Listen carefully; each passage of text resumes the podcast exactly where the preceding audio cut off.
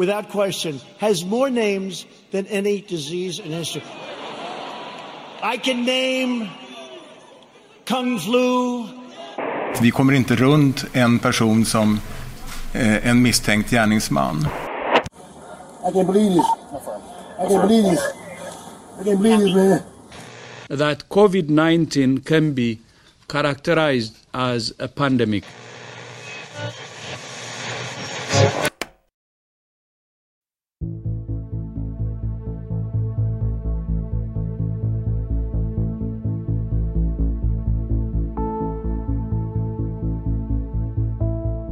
Det här är Aftonbladet Dailys årskrönika för året 2020. I de följande avsnitten kommer du få höra nyhetsklipp och intervjuer hämtade från några av de drygt 300 avsnitten vi släppte under året. Reportrarna som gjort de avsnitten och som dyker upp även här är Jenny Ågren, Marcus Ulsand, Olivia Svensson och så jag, Patrik Syk.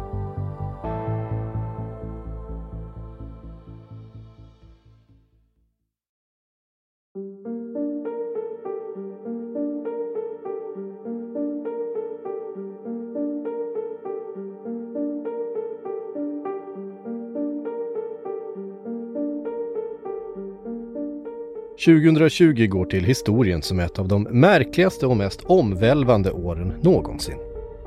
När vi spelar in det här har 1,2 miljoner människor fått sätta livet till i den pandemi som stängt ner hela länder och satt den globala ekonomin i gungning. På många sätt kommer nog vår historia delas upp i tiden före och efter 2020. Året då vi lärde oss ord som epidemiolog, flockimmunitet och social distansering. Men för att berätta historien om det här året så måste vi faktiskt ta det från början. För när det nya året började hade visserligen det där märkliga coronaviruset redan börjat spridas i den kinesiska Wuhan-regionen.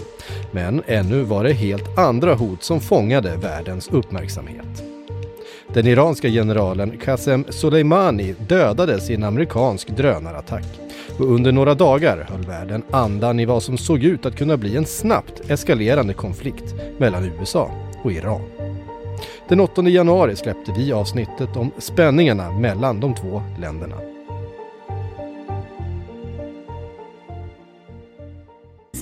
I ett amerikanskt flyganfall mot fem olika Hizbollah-baser i Syrien och Irak uppges minst 25 milismän ha dödats.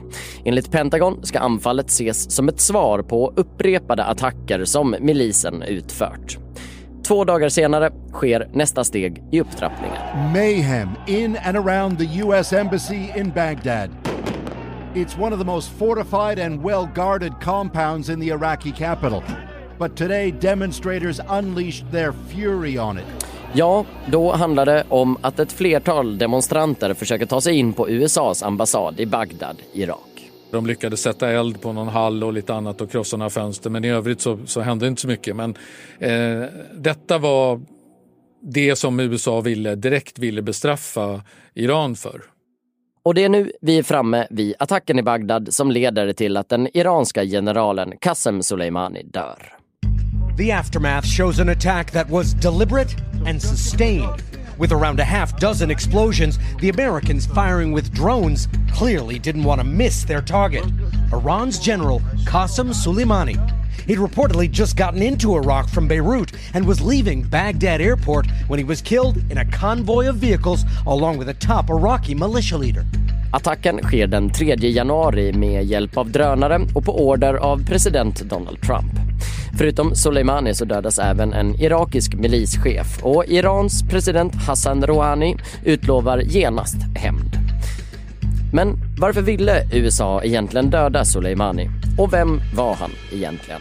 Alltså jag skulle beskriva honom som Irans nummer två Eh, i ledarskapet efter eh, Ali Khamenei som är den högsta religiösa ledaren och alltså viktigare än han som är president, Hassan Rouhani. Och det berodde på att eh, Soleimani, han hade hand om de eh, iranska militära operationerna i utlandet, det vill säga i Syrien, Libanon och Jemen och sådana här där eh, Iran försöker utöka sitt eh, område men via ombud då i olika länder som, eh, där man då stöttar exempelvis Hizbollah-milisen i, i Libanon.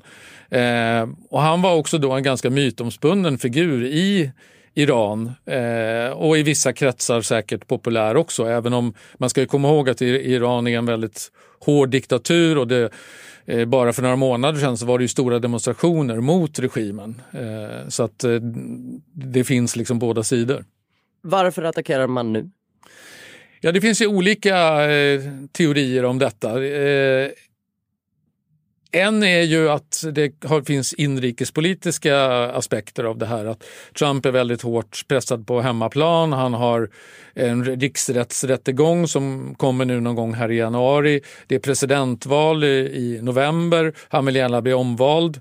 Det här såg han kanske som ett sätt att visa sig tuff och, och handlingskraftig eh, och också skifta fokus eh, från problemen på hemmaplan eh, någon annanstans. Och det är ju ett känt sätt bland amerikanska presidenter. Det har både Nixon och Bill Clinton gjort tidigare när de har varit pressade och eh, varit på väg att bli ställda inför riksrätt eller ställts inför riksrätt.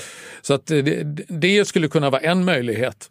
Eh, och en annan är ju att Iran nu under en längre tid har eh, så att säga gjort eh, man har attackerat tankefartyg i Persiska viken, man har eh, attackerat de saudiska oljeanläggningarna.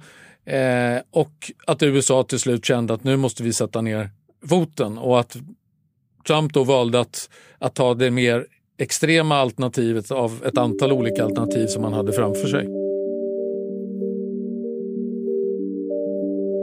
Men avsnittet hade knappt hunnit publiceras förrän uppgifter om en flygolycka skulle komma att inte bara ta över nyhetsspalterna utan också påverka vad som många befarade höll på att utmynna i ett nytt storkrig.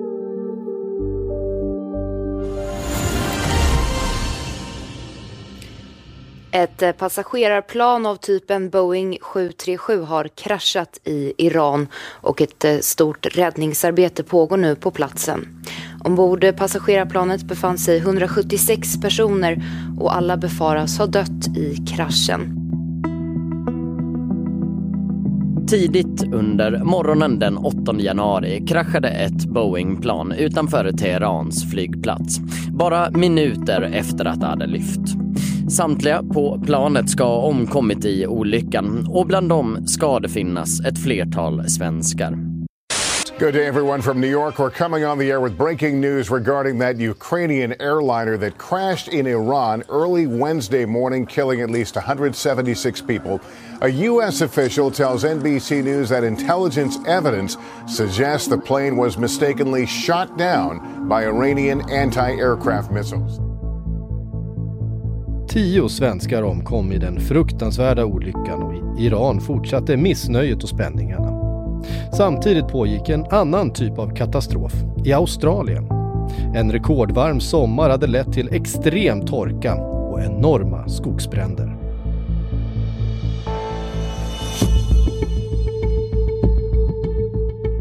The historic fires devastating Australia. Some 130 fires are burning right now, scorching more than 14 million acres of land. At least 25 people have been killed and more than 2,000 homes destroyed.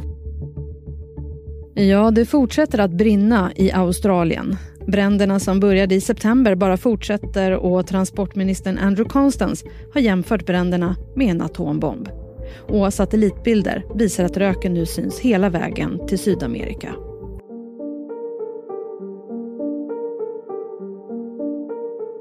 Men trots ett ovanligt nyhetsintensivt år blev varken klimatet eller upptrappningen i Iran nyheten som kom att dominera 2020. I Kina hade det så kallade coronaviruset börjat få allvarliga konsekvenser och den 23 januari pratade Jenny Ågren med Pasi Pentinen från European Center for Disease Prevention and Control. Du nämnde ju sars eh, tidigare och många drar ju paralleller till sars-epidemin i början av 2000-talet. Varför är det här ett sånt skräckexempel? Ja, sars är en av de, de uh, värsta snabbutvecklande eh, epidemier som vi har haft på en, en global nivå inom de, de sista 20 år. Eh, även om sars och en liknande virus, MERS, Middle Eastern Respiratory Syndrome, ehm, de har inte orsakat så liknande pandemier som influensa kan orsaka. Men att, att eh, de två virusen orsakar väldigt svår sjukdom eh, och de kan orsaka ganska stora utbrott, speciellt i sjukvården och i, i um, sådana situationer där, där folk bor väldigt tätt eh, eller, eller lever, eh, bor eller, eller jobbar väldigt tätt ihop med varandra. Så att det är inte, eh, sars är inte lika smittsam som, som influensa är men, men att det, det, det orsakar mycket svårare sjukdom än, än, än influensa gör. På den tiden så pratades det om att Kina mörkade siffror. Finns det någon anledning att tro att Kina mörkar siffrorna på antalet smittade nu? Ja, det är väldigt svårt att, att um, från utanför säga uh, hur andra länders um, ehm, myndigheter agerar. Um, och speciellt när, när man har en sånt snabbt utvecklande utbrott i, i händerna så det är alltid mycket svårt att hantera informationsflöden i början av, av utbrottet. Um, kinesiska myndigheter har väldigt snabbt uh, kommit ut med um, det här DNA-sekvenser från deras första, första virus som har varit väldigt eh, hjälpsam. Men att samtidigt eh, vi fortfarande tre, fyra veckor in i det här utbrottet saknar väldigt basala Eh, epidemiologiska information eh, från Kina som vi skulle behöva för vår egen riskbedömning här i eh, Europa och, och beredning för, för möjliga fall här. Så att, att man kan alltid hoppas för, för mer information i sådana här situationer. Och det handlar ju om Kina då och det gör det nu också. Är det en slump eller finns det en anledning till att den här typen av virus kommer just därifrån? När man har tittat på, på den här eh, frågan eh, vetenskapligt sett från några olika perspektiv. Ehm, det, det, som vi kan, det som vi vet om situationen är att, att den här delen där också det här viruset eh, uppkom ifrån är en delen av världen som har den tätaste befolkningen, äh, människobefolkningen i världen. Samtidigt de har en väldigt tät äh, djurbefolkningen äh, runt om på grund av, av äh, behovet att, att hur säger man, få, få mat till, till befolkningen där. Um, det vill säga att det är ganska ideal um, område för en sånt spillover uh, event så, uh, för att, att viruser och patogener från djurbefolkningen uh, kommer över till, till den, den uh, människobefolkningen.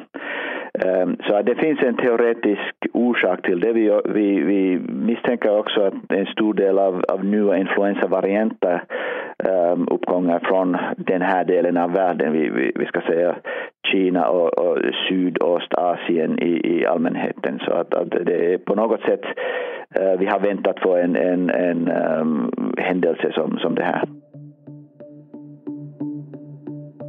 Vi har väntat på en händelse som det här. Så sa alltså Pasi Pentinen, smittskyddsexpert på ECDC, till Aftonbladet Daily i januari. Men riktigt hur illa det skulle komma att bli, det anade nog inte ens han. Under tiden fortsatte Brexitförhandlingarna att sätta krokben för sig själva. De amerikanska primärvalen för att utse en demokratisk utmanare till Trump kom igång och en hel värld sörjde den amerikanske basketstjärnan Kobe Bryant som tragiskt omkom i en helikopterolycka. Men i övrigt så tuffade vardagen så att säga på samtidigt som rapporterna från det coronadrabbade Kina blev allt allvarligare. Wolfgang Hansson är med mig här i studion. Wolfgang, vi ska prata om de här bilderna vi ser. De är från kinesisk statlig media. Det vi ser är att man bygger ett sjukhus. Ehm, hur kan man tolka det här? Ja, det är ju uppenbart att kineserna tar det här som händer nu på väldigt stort allvar. Eh, att man bygger ett sjukhus och vi ser ju den här aktiviteten med så många grävskopor på en gång att man vill bygga det här väldigt snabbt. Därför att man vill eh, flytta alla patienter som bär på den här smittan och ha dem på ett och samma ställe. Eh, men det är ju ändå en, en otroligt extrem åtgärd att eh, bygga ett nytt sjukhus bara för att ta hand om den här smittan. Precis, samtidigt så kommer ju då rapporterna att eh, 25 personer har dött. Väldigt många fler än så ska ju ha insjuknat. Men precis som du säger, det, det verkar ju vara en extrem åtgärd som tyder på att allt fler kommer att insjukna. Men än så länge var spridningen inte något som i någon större utsträckning påverkade folks vardag här hemma i Sverige. Här var vi än så länge upptagna med att Torsten Flink kastats ut från Melodifestivalen och de kriminella gängens framfart i storstäderna. Nej, det skulle dröja en bra bit in i februari innan det avlägsna hotet om att det som hände i Kina skulle utvecklas till en pandemi faktiskt såg ut att bli verklighet. Den 25 februari ställde Marcus Ulfsand från Aftonbladet Daily den frågan till professor Björn Olsen, en person som kommit att figurera flitigt i media under året. Där och då hade viruset spridit sig till 33 länder och kanske framförallt då till norra Italien där ett stort utbrott precis höll på att välta en hel sjukvårdsapparat. Eh, jag ska väl säga så här att eh, den har ju förvärrats åtminstone vad det gäller ska säga, sprid, ur spridningssynpunkt så har det ju förvärrats ganska dramatiskt de senaste, senaste tre dagarna. I och med att vi har dels fått ett stort utbrott i Italien, i norra Italien framförallt. Men även då också ett, antal, ett stort antal fall i Sydkorea och i Iran. Eh, så att eh, nu verkar det som att det börjar etableras infektionsfokus utanför det som tidigare var kärnområdet Fastlandskina. När vi pratade med dig i den här podden för ungefär en månad sedan, då fanns viruset i Kina och några omkringliggande länder och så var det ett fall i Tyskland och lite misstänkta fall i Europa. Eh, vad skulle du säga är liksom den mest avgörande utvecklingen som har skett sedan dess? Är det det här i, i Iran och Italien då? Ja, det skulle jag säga. Det, det, det tror jag är det mest avgörande. För att eh, eh just när det gäller Italien, där har vi ju, kan, eh, ja det, kan, det, kan, det är möjligt att de kan hantera det här med en enormt effektiv smittspårning nu, men jag är inte säker på det. När det gäller Iran så är det ju mer osäkert eh, för att eh, vi vet väldigt lite om hur sjukvårdssystemen funkar där och hur pass bra smittspårningssystem de har. Så att det, det är väldigt, väldigt osäkert. Ehm, det, det, är väl de mest, ska vi säga, det mest besvärande. Sen Kina i sig, där verkar det på något sätt plana ut nu. Eh, det är inte helt säkert men man ser på antal insjuknade att det börjar att eh, liksom trappa av ordentligt. Och det kan ju vara, det kan vara ett tecken på många saker. Att eh, den här smittan nu är så spridd i samhället att vi börjar få så att säga, den här bakgrundsimmuniteten som också balanserar smittans framfart. Eh, har liksom senaste månadens utveckling gjort dig mer orolig än vad du var tidigare? Men den här, jag, kan, jag, tycker väl att som läget är nu, det är väl ungefär vad man kunde förutse eh, i stort sett. För jag sa ju för en månad sedan att det här kommer att bli ett pandemiskt virus och det tror jag fortfarande. Och det är på, nu är det ju verkligen en, en sekund i tolv innan det blir det. Vi befinner oss en sekund i tolv innan det blir pandemi. Björn Olsens ord där i slutet av februari kunde inte varit mer träffande. I Italien hade läget snabbt gått från illa till katastrof och på väg hem från just den regionen satt tusentals sportlovsfirande svenskar. Veckorna som följde gick allt mycket snabbt. Många av de återvändande svenskarna var mycket riktigt infekterade och det extremt smittsamma viruset fick snabbt fäste. Inte minst i Stockholm Ändå var osäkerheten stor inför vad som var rimliga åtgärder kring resor och arrangemang. Den 6 mars greps Sverigedemokraternas partiledare Jimmy Åkesson av turkisk polis efter att han och en grupp andra svenskar genomfört en politisk aktion mot ett flyktingläger. Och dagen efter, alltså den 7 mars, genomförs finalen av Melodifestivalen på Friends inför tusentals åskådare. Veckan efter det, den 13 mars för att vara bestämd, publicerade Aftonbladet Daily vad som skulle bli vårt mest lyssnade avsnitt hittills. Återigen hette gästen Björn Olsen, men den här gången fick avsnittet helt enkelt titeln Pandemi.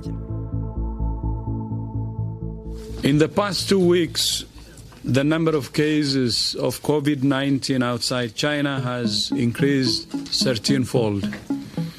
and the number of affected countries has tripled. In the days and weeks ahead, we expect to see the number of cases, the number of deaths, and the number of affected countries climb even higher. WHO has been assessing this outbreak around the clock, and we're deeply concerned both by the alarming levels of spread and severity and by the alarming levels of inaction. We have therefore made the assessment that COVID 19 can be characterized as a pandemic. Och med oss i dagens avsnitt har vi Björn Olsen, överläkare och professor i infektionssjukdomar. Han menar att den kommande perioden är avgörande för hur läget kommer att utvecklas i Sverige. Jag skulle säga att vi är i en situation där det står och väger väldigt mycket. Det har vi sagt många gånger under den här resan, att det står och väger. Men nu har vi nog en sån situation även här i landet, där vi inte riktigt vet vart vi är på väg. Eh, och alltså, antingen hamnar vi i en situation som på något sätt liknar Italiens. Inte tillnärmelsevis med den, av den magnituden, men att det kommer bli väldigt problematiskt i sjukvården. Eh, jag tror vi är på väg in i en sån, en sån period nu alltså. Det tror jag.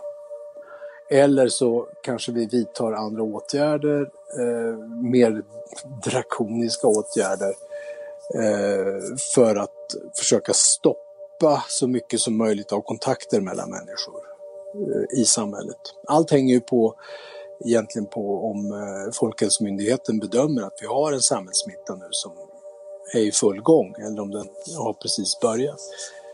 Problemet är att nu provtar vi inte så mycket som vi har gjort tidigare på grund av att många gånger är provtagningsutrustningen slut.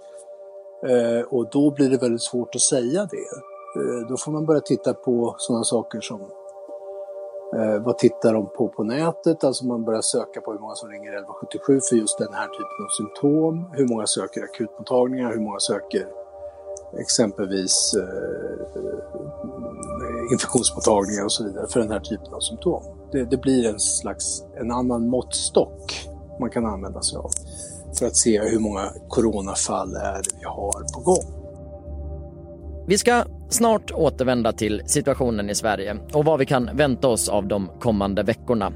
Men vi tänkte ta ett litet break här för att också blicka ut mot världen. För sjukdomen har i skrivande stund spridit sig till alla världsdelar utom Antarktis med registrerade fall i över hundra länder. Här har vi, av förklarliga skäl, inte tid att gå igenom situationen land för land, men det finns några nationer som sticker ut. Och vi kan börja med Italien. För det är det land i världen som haft mest fall om man räknar bort Kina. Och i början av mars beslutar man för att sätta hela landet i karantän. In a desperate bid to stop the disease from spreading, the entire country is now in a lockdown. It's the most severe restriction on movement in Italy since World War II. Bortom Italien så har många experter också oroat sig för situationen i Iran som i skrivande stund har över 10 000 coronafall. Men under de senaste veckorna har många med insyn också menat att myndigheterna försöker mörka antalet fall. So the number of deaths are being completely underestimated. You've had numerous uh, reports actually verify that the numbers of dead are much higher than what the government is announcing. På andra sidan Atlanten har viruset också slagit till mot USA. Och onsdagen den 11 mars meddelade president Donald Trump att landet nu stoppar resor från Europa för att försöka hindra spridningen.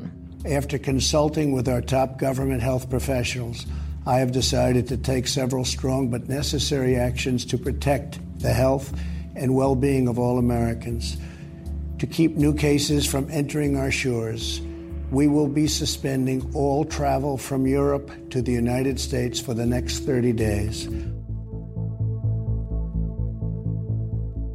Och det är någonstans här den stora berättelsen om 2020 börjar. Folkhälsomyndighetens dagliga pressträffar följdes av hundratusentals oroliga svenskar. Det gjordes visir av overheadpapper, butikerna tömdes på handsprit och toapapper och på intensivvårdsavdelningarna började belastningen bli svårare och svårare att hantera. I delar av Italien och Spanien var katastrofen redan ett faktum. Här i Sverige hade vi till en början svårt att se hur illa det egentligen var ställt. Testmetoderna var få och kapaciteten räckte inte till. Flera länder runt om i Europa, bland annat våra nordiska grannländer, började stänga ner sina samhällen för att desperat försöka bromsa smittspridningen. Utegångsförbud infördes på många håll och ordet lockdown tapetserades över tidningssidor världen över. Skolor, arbetsplatser och evenemang stängdes ner och ställdes in i en omfattning världen aldrig tidigare skådat. I Sverige valde Folkhälsomyndigheten en något försiktigare väg med fortsatt öppna skolor och rekommendationer istället för restriktioner. Den svenska strategin blev snabbt ifrågasatt, inte bara här hemma i Sverige utan faktiskt runt om i hela världen, som med skepticism såg Sverige envist hålla på sin mer öppna strategi trots snabbt stigande dödstal. Eh, strategierna vi jobbar med är de samma. Vi fortsätter ihärdigt att försöka minska hastigheten i smittspridning och det gör vi framförallt genom att allmänheten, ni, vi alla stannar hemma när man blir sjuk eh, och stanna hemma ytterligare två dygn. Sen kan man lägga på lite andra saker, fundera på sina resor, framförallt att man ska inte resa och hälsa på sina gamla anhöriga nu under påsk, det är inte lämpligt. Eh, det finns ett förbud mot större sammankomster för att få ner smittspridningen där. Eh, vi har, som vi pratade, har pratat om de sista dagarna nu, också en del Eh, föreskrifterna eller hur man ska hantera sin verksamhet på restauranger, barer, kaféer och sånt för att minska smittspridningen där. Eh, och debatten om den svenska strategin hade här i april egentligen bara börjat. Samtidigt tvingades fler och fler nu söka sjukvård för sina symptom. En av de inlagda var den populäre programledaren Adam Alsing som den 16 april avlider i sviterna av covid-19. Beskedet slår ner som en bomb och plötsligt blev dödligheten något verkligt för stora delar av Sverige. Men Adam Alsing är bara en av 111 människor som mister livet med covid-19 den här dagen. Här, i mitten på april, kulminerar dödligheten i Sverige med de högsta dagliga dödstalen under pandemin. Och kritiken mot Sveriges hantering, inte minst från utlandet, blir allt mer högljudd. Vi hör Anna Rudels, kommunikationschef på Svenska institutet ur Aftonbladet Daily den 30 april. Vissa länder där rapporterar man ju om att den, här, den svenska strategin har lett till mycket fler dödsfall. Det rapporteras om eh, att många äldre som har dött på äldreboenden. Eh, sen kan jag säga en av de mest delade artiklarna till Danmark handlar ju om att det har uppkommit någon slags form av lyxturism till Sverige. I och med att vi har öppet så kan man komma hit och klippa håret och gå på krogen. Och här hemma i Sverige uppstod en slitning mellan de forskare och professorer som stod bakom Folkhälsomyndighetens åtgärder och de som ansåg att det krävdes betydligt mer. Berätta, vad är det ni vill ha sagt med den här debattartikeln? Alltså, eh, problemet vi har haft i Sverige är att vi inte har haft en, en, en öppenhet att titta på vad som hänt i andra länder, hur man har tacklat den här problematiken i andra länder. Eh, och eh, adapterat vårt svar till, till vad de har gjort. Till exempel länder i, i Asien som har lyckats minska spridningen väldigt effektivt. Till exempel Sydkorea eller Taiwan. Ni är ju rätt så kritiska i den här debattartikeln. Det är 22 stycken forskare som skriver under. Ni säger att Folkhälsomyndigheten har misslyckats och uppmanar politiker att ta sitt ansvar. Vad hoppas ni då att den här eh, debattartikeln ska mynna ut i? Ja, självklart vill vi att det ska ske, att det att eh, svaret i Sverige ska bli rationellt och effektivt och att vi minskar spridningen så att färre drabbas i Sverige. Om bara några månader så har vi en hel rad av nya behandlingar som kommer kunna hjälpa de som blir svårt sjuka. Och därför vill vi skjuta på spridningen så mycket som möjligt. Mm, hur ska man göra det då? Vad, vad tycker ni? Ja, vi tycker ju att man ska, man ska se till att stänga eh, många funktioner som finns i samhället där spridning sker. Till exempel skolor är min uppfattning att man kan fortfarande stänga. Det finns mycket som sprids. Man ska ha mer effektiv skyddsutrustning till sjukvårdspersonal självklart. Men kanske snart behöver vi också ha det ute i samhället.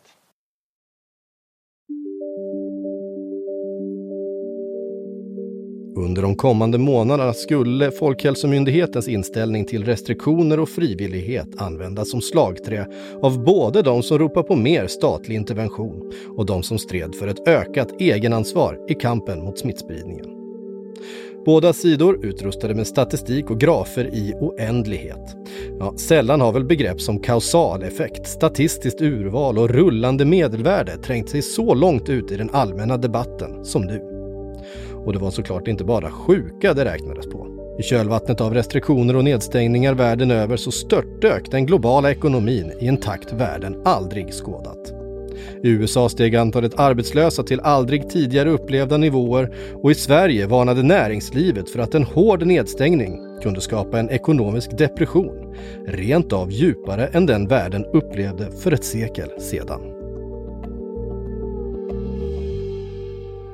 Även här i Sverige, trots något försiktigare åtgärder än många andra länder, blev de ekonomiska förlusterna katastrofala för många småföretagare som förlorade sina verksamheter och människor som förlorade sina jobb. Här ur en nyhetssändning på Aftonbladet om krisen från den 20 mars. Coronakrisen slår hårt mot svensk handel och många företag inom butiks-, restaurang och hotellbranschen står nu i ett akut läge. Putte Svensson Salin driver hotellet Hulingen i Hultsfred och han berättar i en Facebook-video om det svåra läget som hotellet nu befinner sig i. Jag kan inte beskriva hur det är. Det är, det är bara på 48 timmar så har bara allt rasat samman. Jag ser inte hur man ska komma ut där. Jag har ingen som helst aning.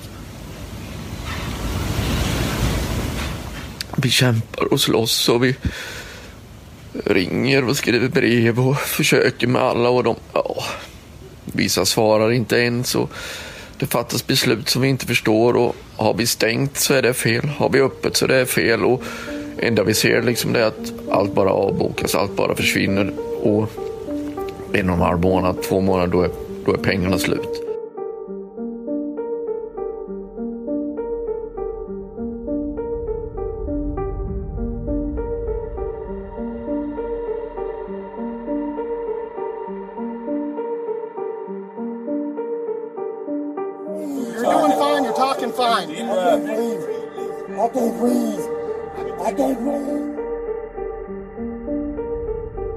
Första delen utav Aftonbladet Dailys årskrönika. Mitt namn är Patrik Syk. Fortsätt gärna följa med på resan genom 2020 i de följande